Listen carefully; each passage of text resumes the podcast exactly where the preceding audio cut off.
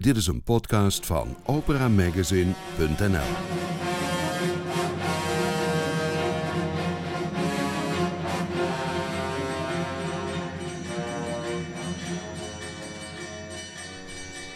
Welkom in Studio Nibelheim. Hier hoort u nieuws, achtergronden en interviews over opera en lied.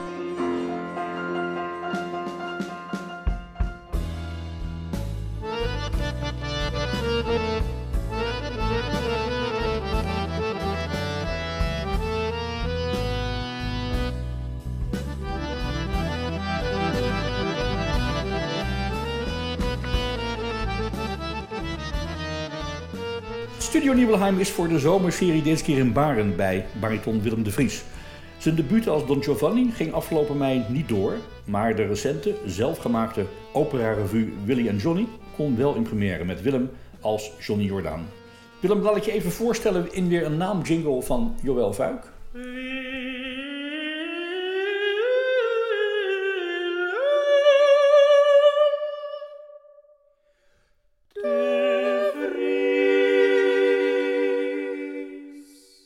We gaan praten over jouw muziek, maar ook over je werk natuurlijk. Ik had je gevraagd om een lijstje te maken met muziek, wetende van jaren geleden al dat mensen over jou zeiden dat die heel veel soorten muziek leuk vinden, dat je ook heel veel van weet. Uh, dat blijkt uit je lijstje. Ik miste wel uh, Dixieland en hard rock. Ja, die heb ik er bewust niet in gezet. Waarom? Want dat is de enige muziek waar ik niet naar kan luisteren. En die ik niet begrijp. wel geprobeerd? Jawel, Dixieland hoor je vaak op zo'n jazzfestival hè, in een dorp. Dan is er een jazzfestival en dan, dan zitten daar vijf hele goed besnorde mannen, uh, klarinet en, uh, en, en, en, en uh, zo'n zeepbordje, een wasbordje te, te, bespelen. Ja, en dat is mij te simpel harmonisch, die muziek. Ja, dat mag ik zo niet zeggen natuurlijk, want het is wel even New Orleans waar we het over hebben. Maar het lukt me niet. En dat is met hard rock hetzelfde. Daar komt, en waarschijnlijk is het niet waar uh, de akkoordenreeks ook niet verder dan uh, 4, 5, 1. Uh, omdat ze dat hebben uitgevogeld op hun gitaren in de garage. Er is hele goede hardrock hoor, maar ik luister niet naar. Het is een, het is een storm van geweld door, je, door de boksen. Dus uh, nee, voor mij niet. Die vallen weg. Maar voor de rest heb je een heel rijk lijstje. Ik weet niet of we alles kunnen doen. En we gaan misschien ook wel wat dingen inkorten om het in de tijd allemaal te redden. Ja. Hoe doe je dat, zo'n lijstje maken als de vraag komt... maak een lijstje aan de hand van een aantal labeltjes. Hè? Muziek die je heel erg raakt, muziek die bij je leven hoort, bij je jeugd, bij waarom je bent gaan zingen. Hoe ben je te werk gegaan om dat te maken? Nou, uh, je kwam natuurlijk eerst met, met een lijstje van drie. En dat was, dat was heel goed, want dat beperkt. En die heb ik uh, gelijk op een aantal stadia van mijn leven geplakt. En toen zei ik van nou, je mag in jouw geval wel wat meer fragmenten kiezen. En toen werd het moeilijker. Maar toen dacht ik, laat ik het zo uiteenlopend uh, kiezen. En ik heb er toch nog een paar gemist. Maar ik ben gewoon door mijn uh, Apple playlist gegaan en mijn plaatcollectie. Ik had nog een bestandje ergens. Maar goed, op mijn computer kijk ik dan. Oh ja, ik, daar had ik ook nog een afspeellijst. En ben ik gisteren of eergisteren even goed voor gezitten. Maar het, het broeide natuurlijk al, al weken tevoren. Ja. Je hebt eigen cd's. Je hebt nog voor één cd-opname die je noemde van Mahler. Dat is lied van Der Eerde. Ja. Om jou voor te stellen um, hebben we een cd-opname onder leiding van de dirigent en arrangeur uh, Henk Gutert. Ja. Daarmee heb je met zijn Gruppo Montobello heb je uh, Malers dat lied van der Erde opgenomen. Dat was heel grappig. Ik werd gebeld door Henk Gitart. En uh, die wilde die, dat stuk uitvoeren in het, op het Orlando Festival. Hè, in Kerkrade. In Kerkrade. Maar de bariton had afgezegd. Want die zat midden in een... Of die had net een productie afgerond, Barbiere di Sevilla. Dus die had zich blijkbaar moe gezongen. En ik denk dat ze niemand anders meer konden vinden en uiteindelijk bij mij terechtkwamen. Ik weet niet hoe dat is gegaan. Nee, ik denk dat Marcel Rijans, die heeft mijn naam genoemd. Want die zong de tenor, dat is waar ook. Die heeft gezegd van, als je een hoge bariton zoekt, moet je Willem vragen. Dus uh, toen ben ik gebeld en die muziek had ik in de kast liggen oude bibliotheekuitgave, of oud boek uit de bibliotheek. En die had ik wel eens ingekeken en altijd heel snel weer dichtgeslagen, omdat het zo verschrikkelijk moeilijk is. Wat maakt Mahler zo moeilijk om te zingen? Het is hoog genoteerd vaak. Ook als je naar liederen Eines Varende Gezellen kijkt. Kindertotenlieder gaat nog voor mij. Hoog, lange lijnen. Uh, de muziek is redelijk uh, uh, onbegrijpbaar toch soms. Het, een vriend van, en een vriendin van mij, onafhankelijk van elkaar, noemde de muziek dirigentenmuziek. Mahler was zelf dirigent, heeft veel opera gedirigeerd. En dit, dirigenten vinden deze muziek heerlijk, omdat er zoveel instrumentatie zit. En uiteindelijk heb ik het, omdat ik het ging studeren, kwam ik erachter, ja, het ligt heel dicht bij opera. Het zijn lange lijnen, je moet het echt met je hele lijf zingen. Je kunt het niet half doen, hoewel de muziek geparfumeerd lijkt. En dat je, het, dat je het met een halve stem kunt doen, dat moet op sommige plekken ook wel, maar je moet connectie houden met die hele handel, want het zijn enorm lange lijnen. Dus dat heb ik ervan geleerd.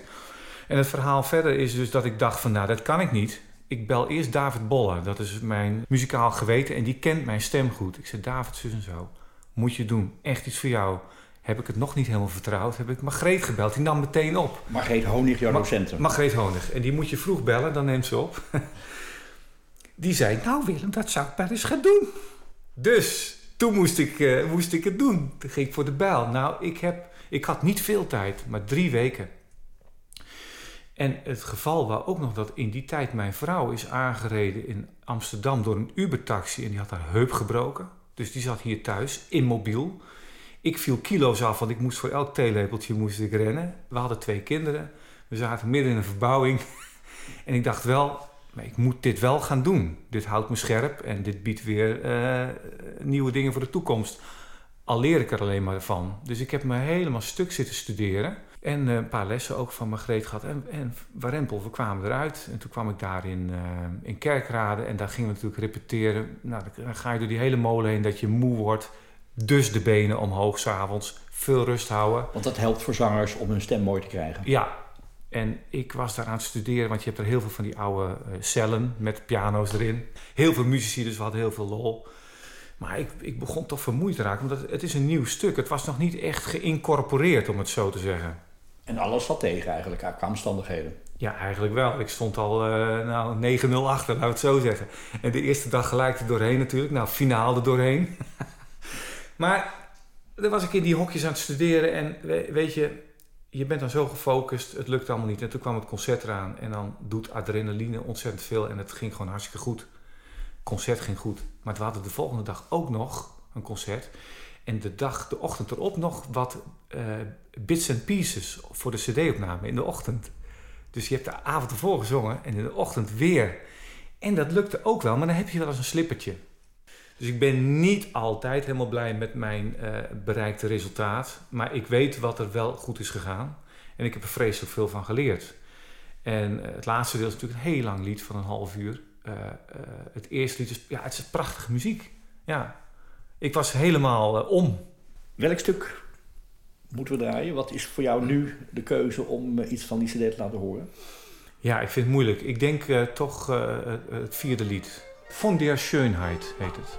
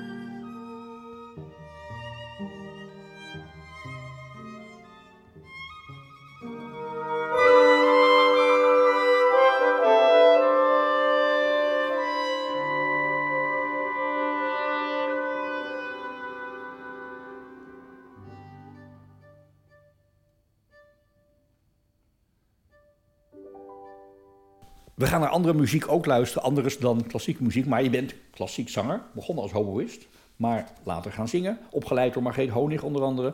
Uh, met nog heel veel andere belangrijke zangers die al hebben geholpen, begeleid, uh, gemasterd. Ja. Wie maakte naast Margreet, wie maakte van al die andere mensen het meeste indruk als het gaat om docentschap of inspirator? Uh, ja, allemaal op zijn tijd natuurlijk. Want we kregen ook les van Udo Reineman. Daar heb ik ook dingen van geleerd. Ik kreeg les van Maarten Koningsberger. Want die liep ook op dat instituut rond. En dat was natuurlijk fijn om een andere bariton te horen. Of te, hè, te, Voor de referentie. Ja, ja. Want eh, ik bedoel, zingen is toch best wel lastig. Het is geen instrument met knopjes. Je moet het allemaal proberen te voelen. En uh, je moet soms ook je gehoor uitschakelen. Omdat als je op je gehoor gaat zingen kan het wel eens zijn dat je helemaal niet op dat gevoel meer zingt. Dus dat, is, dat was ingewikkeld. Uh, we hadden ook twee hele goede koorrepetitoren, uh, onder andere uh, Dido Keuning en David Bolle. En die hebben eigenlijk ook ons heel veel geleerd. Gewoon adem, fraseren, nou, muzikaliteit, alles wat bij het brengen van een, van een muziekstuk komt. Nou, later heb ik nog cursussen gevolgd, ook bij Rudolf Jansen. Uh, maar ik denk dat het allerbelangrijkste was toch na het uh, afstuderen aan het conservatorium. Uh, waren een tweetal of drietal cursussen bij uh, Fischer Dieskau. Dat sowieso al om daar uitgenodigd te worden. Maar bij die meneer op het podium te mogen staan. En les van hem te krijgen dat heerlijke Duits. Het is echt een totaal domme vraag. Maar hoe was die in het echt? Ja, ik vond hem heel, heel aardig. Maar je zag wel dat het een hele moeilijke man was. Wat maakte hem moeilijk? Hij was, hij was ontzettend streng voor zijn omgeving. Uh, ik denk ook voor zichzelf. Het, ja, echt een perfectionist. En heeft, heeft natuurlijk al, uh, ja, draagt zo'n historie met zich mee aan, aan wat hij alleen al op de plaat heeft. Je, je komt er niet omheen om die man. En het was ook een hele grote man. Ik ben niet klein, maar hij is veel groter, veel langer. En ik was heel erg benieuwd naar die stem. En hij kan het gelukkig ook niet laten om mee te zingen. En dat deed hij dan ook wel eens. En die stem was er altijd nog. En ik dacht altijd van het is een intellectuele stem die niet, die niet groot is. Het is geen grote stem, maar het is wel een hele brede stem. Het, het kwam wel over je heen. Het had heel veel metaal. Dus het was heel interessant om te horen. En hij was ook uh, degene die tegen mij zei van... Uh, dat, dat het waren altijd masterclasses met publiek. En de echte tips gaf hij altijd achter een handje. Dus tussen neus en lippen door. Discreet. Discreet, ja. En dat vond ik eigenlijk wel heel, heel prettig van hem. Want anders kreeg je altijd vanuit het publiek commentaar van... ja, zie je wel, je deed het niet goed, hè? Weet je wel? Uh, maar hij zei tegen mij, uh, u moet, u... Ik was nog maar een jochie. U moet uh, met een, of u zou met een koptelefoon moeten studeren. Dus met zo'n ding die je opzet als je gaat grasmaaien. Want u luistert te veel naar uw eigen stem. Het moet, je moet het van binnen horen alsof er een kind schreeuwt. Midden in je hoofd. Een schreiend kind. Nou, dat heb ik gedaan. En dat helpt. Gewoon inzingen erop, op A, E, I, O, U. Om die stem, die focus op dezelfde plek in je hoofd te houden. Heeft me waanzinnig geholpen. Moet je niet te veel doen. En je kunt er heel, heel zachtjes mee zingen, maar het zit op de goede plek. En als je hem daarna afzet, dan klinkt je stem anders. Maar het gevaar is dat je dan gelijk weer op je gehoor dat die stem weer voor in je mond komt. Dus het, het hielp mij enorm. Uh, en niet alleen dat, uh, het was qua interpretatie heel interessant. Uh, het was wel zijn interpretatie die we zongen. Maar goed, je was onderdeel even van die Duitse cultuur. Een opname van hem die staat bij jou onder het labeltje muziek waardoor ik ben gaan zingen. Dus al lang voordat je hem ontmoette hmm. heb je zijn stem gehoord en was je onder de indruk kennelijk. Ik heb genoeg van Bach. Bach werken Verzeichnis 82 is het. Uh, Karl Richter voor het Münchener Bach Orchester met Dietrich Fischer-Dieskau als solist. Waarom juist die opname? Waarom juist dat stuk? Dat was de opname die mijn ouders hadden. Dus daar ben je toch aan verknocht. Gek genoeg. Ik vind ook, er zijn tegenwoordig hele mooie opnames van, van dat stuk gemaakt. Prachtig. Uh, en hier klinkt het hobootje ook wat ge, geknepen. Maar de stem van Dieskau is toch ja, een referentie voor mij hoe het eigenlijk zou moeten klinken. En dan heb ik het niet over stijl, bewustheid. Maar dat was de stijl hoe men in die tijd dacht uh, barok uit te voeren. Maar je hoort hem wel op de oude manier in zijn kop zingen. Dus die mooie kop zit erop, alsof hij viool speelt. En het is een prachtige stem. Ja, hele lange adem. Je hoort aan de inademing wel dat hij rookte. Want dat deed hij? Dat deed hij veel, heb ik verhalen van gehoord, ja. Maar eh, dit is ook nog een hele jonge, jonge disco, geloof ik, die we hier horen. En het is dus eigenlijk het geluid van mijn jeugd. Zo klonk het vroeger bij jou thuis. Zo klonk het vroeger bij ons thuis.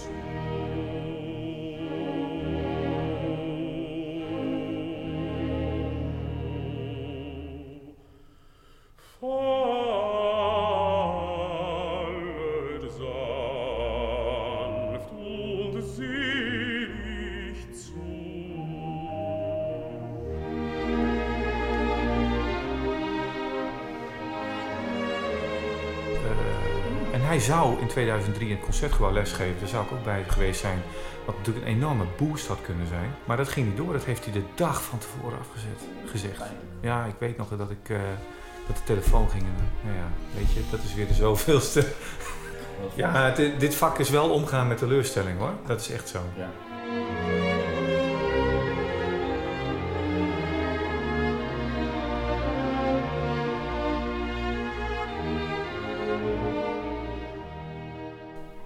Je zou zeggen een kleine stap van Bach naar Bacharach, mm Burt Bacharach. Ook trouwens klassiek opgeleid. Hè? Student van Darius Milhaud geweest. Juist. Dus niet de eerste de beste. En ook moeilijke muziek, denk ik, om te zingen. Jij koos voor Wanting Things, een stuk uit um, Promises Promises. De musical waar hij de muziek voor schreef met Hal David, uh, de tekst. Wanting Things, dat heeft te maken met jouw trouwdag. Ja, uh, Noor en ik, Noortje, mijn vrouw, zouden gaan trouwen. En dat zouden we doen in een, uh, in een boot een oude reddingssloep die we hadden gekocht van de broer van Noor. Dat ding heb ik oplopen knappen in de zomer in Sneek. En ik reed elke vrije dag, uh, dit was vlak na mijn studie. Ik had toch al best wel druk met, met wat uh, producties. Maar als ik een dag vrij had, dan reed ik met mijn autootje, een kleine uh, rode polo, over de afsluitdijk naar Sneek. Daar zat een cassettespeler in, maar we hadden een cd-spelertje waar met, via een ingewikkeld systeem kon je, kon je cd'tjes spelen in de auto. En dan had ik altijd deze cd mee, omdat ik hem luid meezong. Hoewel ik niet echt naar de teksten luisterde, maar ik vond die muziek zo geweldig. Ik vond het leuk georchestreerd. Uh, harmonie, harmonisch gezien is het ontzettend interessante muziek. Dat komt omdat hij, vind ik, denk ik, een conservatoriumstudie heeft gehad. Hij weet wat hij moet doen. Hij komt verder dan de gemiddelde Dixieland muziek, dan, drie akkoordjes. Het is ritmisch leuk. Er zit ook weer zo'n zo'n gek hobootje, een neusfluit op een gegeven moment ik vond het zulke goede muziek. En dan aan het einde ineens een heel raar uitrootje met trompetten. ja, ja, dat kun je me wegdragen. en dat draaide ik dan drie keer achter elkaar, denk ik. Ja, geweldig. dat klonk op je bruiloft?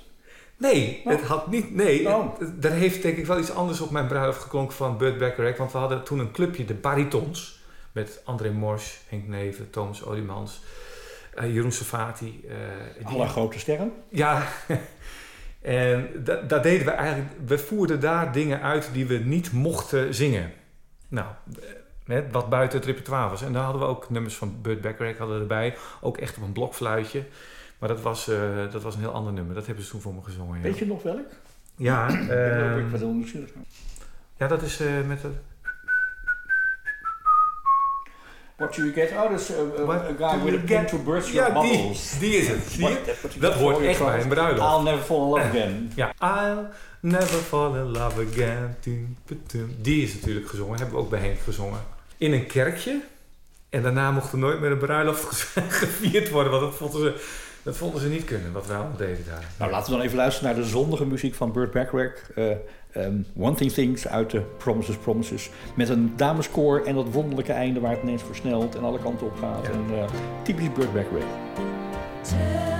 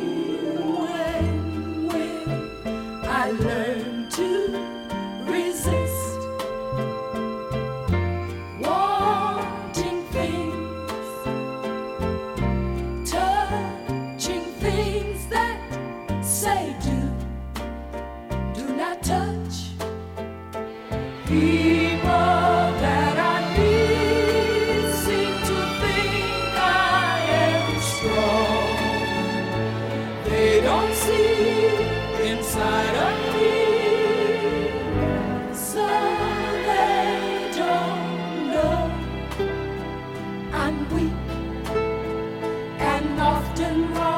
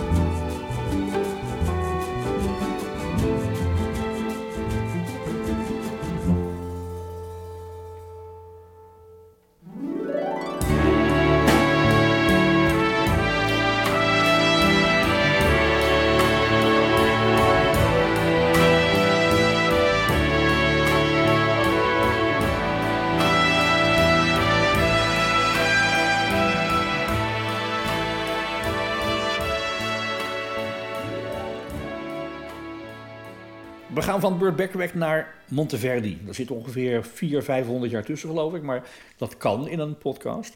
Jouw eerste rol was Orfeo, zei je. Want daar heeft de muziek die we straks gaan horen iets mee te maken. Claudio Monteverdi, L'Orfeo. Wat, wat, ehm, hoe ging dat? Ik studeerde zang in eh, Tilburg. Daar deed ik een studie schoolmuziek. En daar was ik ook al met zang begonnen. Want we hadden bij schoolmuziek als steunvak piano en zang. En ze zeiden van, je moet zang gaan studeren. Toen ben ik dat uiteindelijk ook gaan doen. En toen had ik les van Marius van Altena. Volgens mij leeft hij nog, hè? Bekend van de oude muziek. Precies. Zong in het Huelgas ensemble. Of zingt. Nee, zong, denk ik. En eh, dat was een tenor. Ik was geen tenor. Ik was ook nog niet echt een bariton. Ik was een soort middenstem, noemden ze dat. We, we- we waren er nog niet uit. En, eh, of een bariton Martin. A- Afijn, hij, hij gaf les in Tsjechië op een cursus... waar een hele opera van Monteverdi in elkaar gezet zou worden... door ja, semi-amateurs eh, of studenten van het conservatorium. En daar had hij mij voor gevraagd. Nou, dat leek me wel leuk. Ik wist helemaal niet wat het inhield totdat ik die, dat hele pak papier kreeg. En nog een auditie moest doen bij de dirigent. Maar die was al lang blij dat hij iemand had die een beetje boven het gemiddelde van een semi-amateur zat. Dus ik heb die partij in, ingestudeerd en ik kwam daar. En daar heeft eh Marius me nog een beetje geholpen. En we hebben daar een voorstelling van gemaakt die... Ja, drie of vier keer is opgevoerd. Ook in een kasteel met allemaal heerlijk eten. Het was, heel, het was echt heel gezellig. En het was heel low profile. Maar op dat moment natuurlijk voor mij heel high profile, want ik moest wel die hele rol zingen. Grote rol. Grote rol. Eén aria werd een stukje geschrapt. Dat is de grote Porcente Spiritu. Dat is een hele lange aria met veel glottenslagen. Was, dat was echt nog te pittig voor me. Eh, maar het was hartstikke leuk. En ja, prachtige muziek natuurlijk. Fantastisch. Met, eh, ook dus echt met die zinkjes en zo erin. Hè? Ja. Je had een opname gevonden van Harry Peters, die we ook kennen als Wotan bij de Rijnsopera. Zat hij in die, uh, in die Wagner-cyclus. Dat is toch ongelooflijk, hè? Een veelzijdige zanger, kun je zeggen. Ja. Ik heb die opname laatst gevonden omdat ik, ik mocht hier in Baren een preek van de leek geven. En dat heb ik gedaan en daar heb ik dit nummer, of dit nummer, de, dit nummer, Willem, heb ik deze aria gezongen omdat ik het zo'n prachtig kort stukje uh, uh, Monteverdi vind met die prachtige akkoorden, wisselingen erin. En toen was ik op zoek op, op internet van wie zingt dit mooi. En toen kwam ik Harry Peters tegen, die ik nog ken uit een opera die ik heb gezongen bij uh, Opera Zuid in Faust van Gounod. En ik wist helemaal niet dat hij deze rol ook had gezongen. Maar het is een hele veelzijdige stem en prachtig, ja. Toussé Morta, Harry Peters met concerto vocale onder René Jacobs.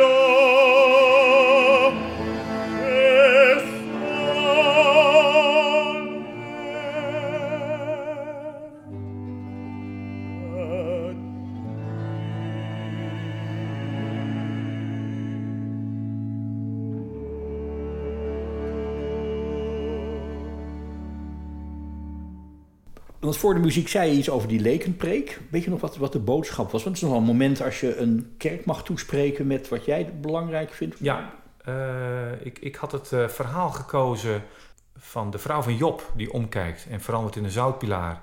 En dat had ik eigenlijk gekoppeld aan, aan, uh, aan Orpheus die omkijkt en, en toch zijn Euridice ziet terug of afdalen in, in, terug naar de onderwereld. En dan zingt hij deze aria.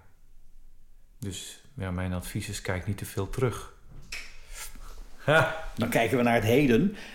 Je hebt ook een soort guilty pleasure op je lijstje staan: harmoniummuziek. Je weet, je, weet, je verzamelt harmoniums. Je hebt echte oude harmoniums. Um, wat heb je daarmee? Nou ja, kijk, ik zeg nu wel heel stoer van kijk niet terug. Maar ik denk dat ik eh, iemand ben die echt altijd terugkijkt. Dat is ook aan het vak gerelateerd. We voeren oude muziek uit. Of muziek die al lang geleden is geschreven. Maar ik heb altijd het gevoel dat ik een, eh, toch een 19e eeuwer ben. En ik hou ontzettend van die tijd van de uitvindingen. Nou, denk maar aan de tijd van de, het bouwen van de Eiffeltoren. En in die tijd zijn er fantastische orgels gebouwd. In Parijs, maar ook heel Frankrijk. Ik denk gelijk ook aan Frankrijk.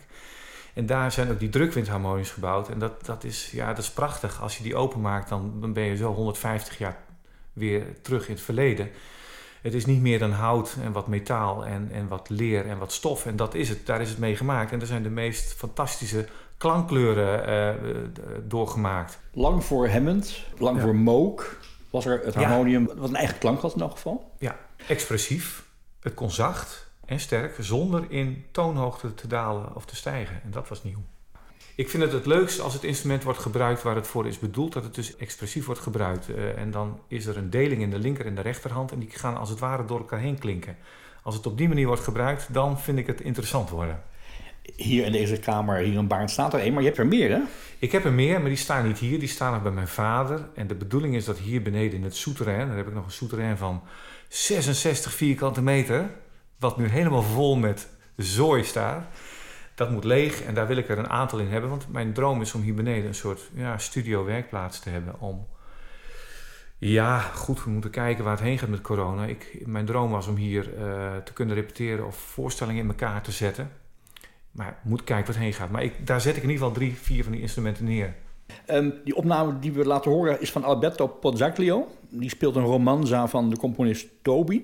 En daar staat dan bij uitleg, en ik hoop dat jij kunt uitleggen waarom het erbij staat. Forte, tremolo, sourdine, bombarde, bourdon de récit, basson, clairon, bourdon. Wat zijn het allemaal? Dat zijn de registers op, eh, op zo'n harmonium. En het, het leuke is dat eh, deze jongen is zo vriendelijk geweest om dat erbij te zetten. Want als het er niet bij staat, wil je dat toch heel graag weten. En dan ga je zo'n videootje stilzetten op het moment dat de registerplaatjes in, in beeld komen. Dus dit is, dit is een beetje een soort harmonium porno, zeg maar. Hè? Je wilt van de hoed en de rand weten. We moeten constateren dat je eigenlijk ben je gewoon een harmonium nerd. Ja, helaas wel. Laten we dat, eh, dat bekronen met deze opname van ehm, eh, deze romanza.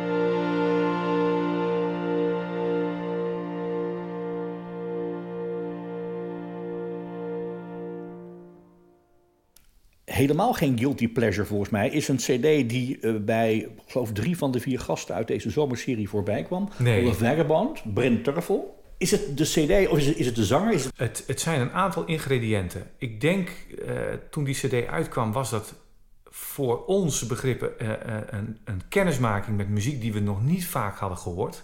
Van Williams, John Island en ik geloof Buttersworth staat erop. En dan gezongen door een vrij rauwe bariton, die wel alles kon. Eh, was, hij was ook een nieuw ster aan, aan het firmament toen. En ehm, ik heb ook voor deze opname gekozen omdat deze muziek wel... die mag van mij wel wat ballen hebben.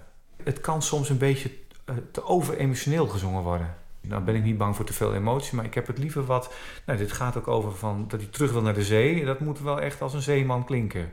Het labeltje wat er bij jou in jouw lijstje bij staat, dat is het, dat het de soundtrack van je leven is zelfs. Dit Ja. nummer hoort bij de... Je hebt iets met boten volgens mij, hè? Ik heb iets met boten, ja. Wij, wij zeilen. hè, Wij is dan mijn ouders, ik en mijn broer. Wij, wij zijn al heel vroeg gaan zeilen in ons leven. En dat ben ik altijd, eh, ook naast mijn studiezang, blijven doen. Heb ik veel les gegeven, ook op een zeilschool. We hebben zelf een boot. Ik ben afgelopen weekend weer weg geweest met mijn vader. Dat kan nu, omdat er is... Hè, we, we zitten allemaal met dat corona-probleem. Eh, vroeger, eh, tijdens mijn studie, moest ik al wat minder gaan zeilen. Want ja, je had vaak... Je moest studeren of je had concerten. Dan, dan zit je niet op een boot in weer en wind. Dus het is er de laatste jaren, zeker ook toen ik eh, heel lang bij, bij Opera Zuid heb gezongen, is er echt finaal bij ingeschoten. Want op alle vrijdagen zongen we. Is de feestdag, had je vaak ook verplichtingen. Dus het zeilen is bij ingeschoten. Ik heb nu mijn kans weer gegrepen en eh, afgelopen dagen weer gezeild. En eh, ik, ik begrijp dit lied heel goed. Dat je, als je midden op het water zit, denk je toch van ja, hier zou ik altijd wel kunnen overleven. Wat ook een illusie is. Maar we willen tegenwoordig allemaal heel graag weer terug naar, de natu- naar de natuur. En eh, daar ben ik er eentje van. Vandaar dat ook jij leidt aan Sea Fever misschien wel. Ja, zeker. Zo heet het lied. Zo heet het lied. Gezongen door Brent Turfel en begeleid door Malcolm Martineau op piano. Van die cd The Vagabond. I must go down to the seas again, to the lonely sea and the sky. And all I ask is a tall ship and a star to steer her by. And the wheels kick and the wind song and the white sails shaking. And the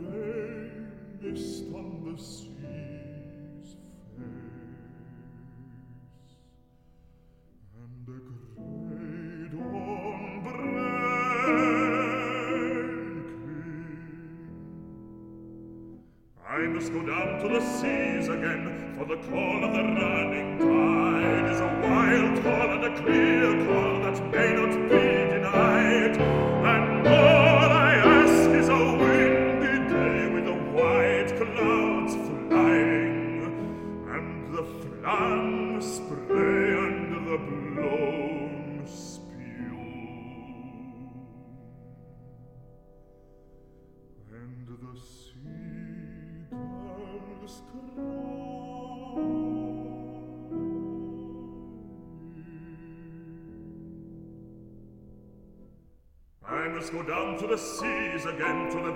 Yeah.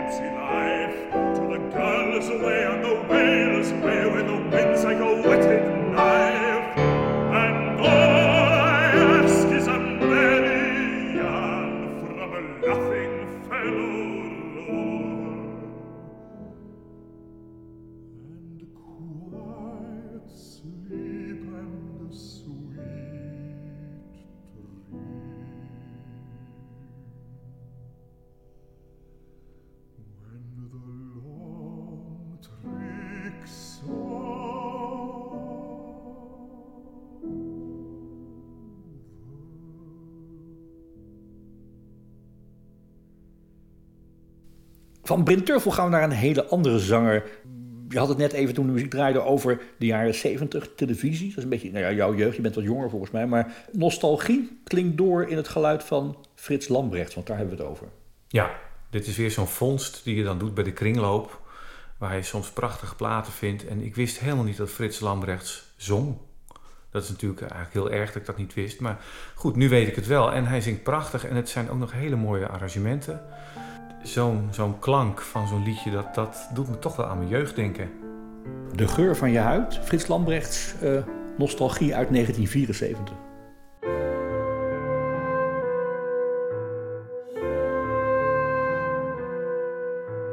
Koud is de wintermorgen. Buiten wordt het langzaam licht. Een nieuwe dag vormt zijn gezicht. Je warme lichaam ligt me roerloos aan te staren. Het witte kussen is onzichtbaar door je haren. Helaas, ik moet weer bij je weg. Mijn lippen strelen zacht je oor. De stilte dringt naar binnen door. Alleen het ritselen van je laken is te horen. Gespannen om je borsten die mij zo bekoeren.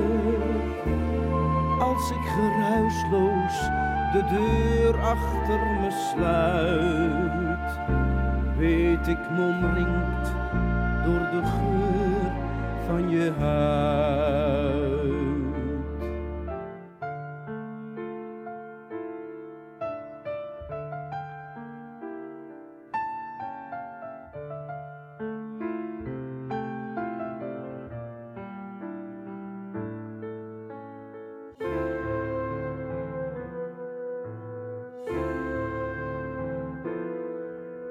Het zonlicht kruipt over de velden. Het samen zijn met jou vannacht maakt me warm en schenkt me kracht. Ik geef me over aan de dagelijkse zaken. Terwijl jij bezig bent geleidelijk te ontwaken. Met groot verlangen kijk ik naar de avond uit. Geïnspireerd door de geur van je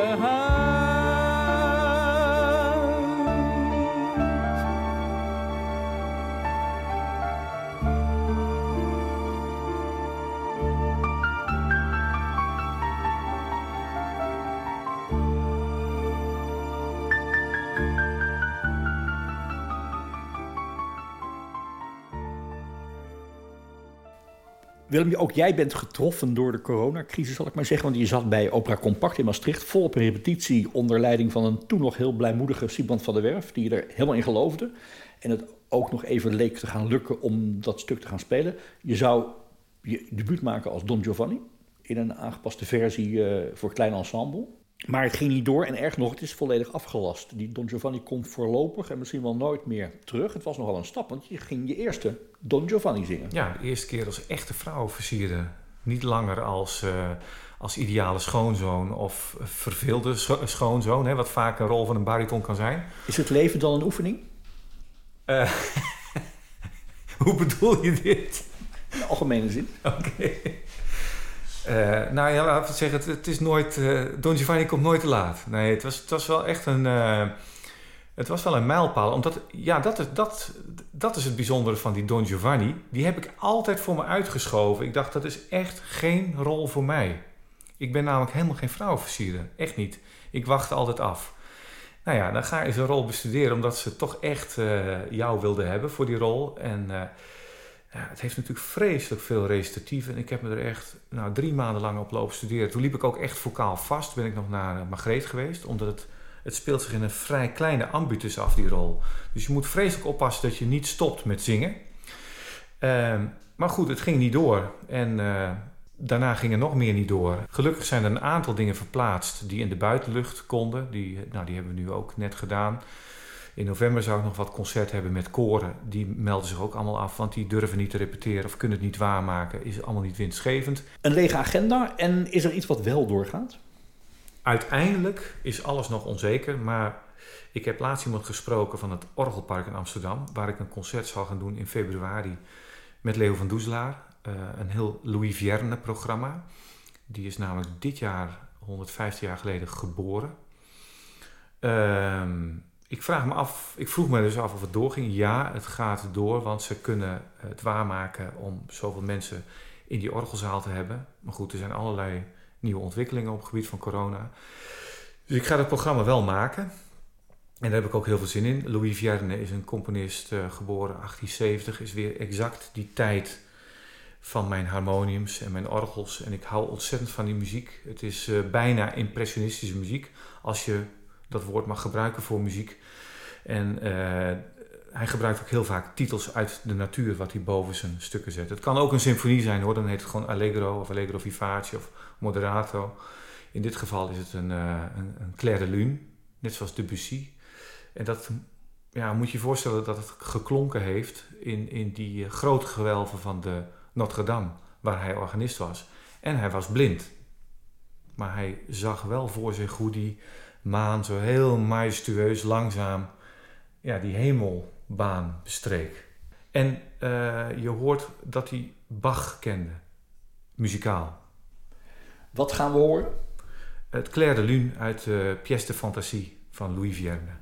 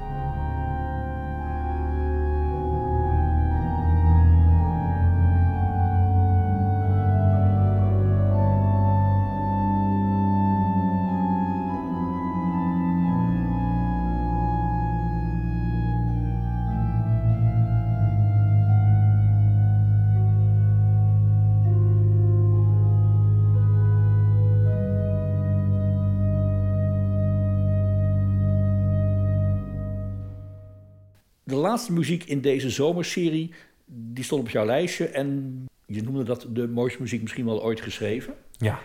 En dat ben ik heel met je eens. Dus we gaan een stuk draaien waarvan we alle twee vinden in deze prachtige uh, werkkamer hier in Baren... dat het misschien wel de mooiste muziek is die ooit geschreven is door Rogier van Otterlo. Ja. Gespeeld door Toet Stielemans. Waarom is dat zo mooi? Het gekke is dat deze muziek, uh, daar kun je depressief van, uh, van, raken, maar je kunt er ook heel optimistisch van raken. Het heeft, het heeft twee kanten. Uh, volgens mij, ineens schiet me te binnen, Matthijs van de Woerd vertelde mij dat het thema is gebaseerd op I'm singing in the rain, pa pa pa pa di. Hey, Nooit bedacht. want het begint ook, er zit een scène in dat ze in die regen zitten, hè? Voor dat, voor dat, voor dat mooie, huis, het ja, huis van de kunstenaar. ja. Ja, ik krijg nu al kippenvel als ik eraan denk. Het, het is gewoon ja, prachtige muziek. Gaan we als twee stoere mannen gewoon even toch geëmotioneerd raken bij muziek uit de film Turks Fruit. Rogier van Otterlo, Toet Stielemans. Willem de Vries, heel veel dank voor al je zoekwerk in de muziek die jou aanspreekt en die je mooi vond, die we mochten luisteren. En uh, heel veel succes de komende jaren met uh, alles wat er komt en wat hopelijk gewoon weer doorgaat. Uh, dankjewel. Ja, jij ook bedankt. Turks Fruit, dat mistige rode beest.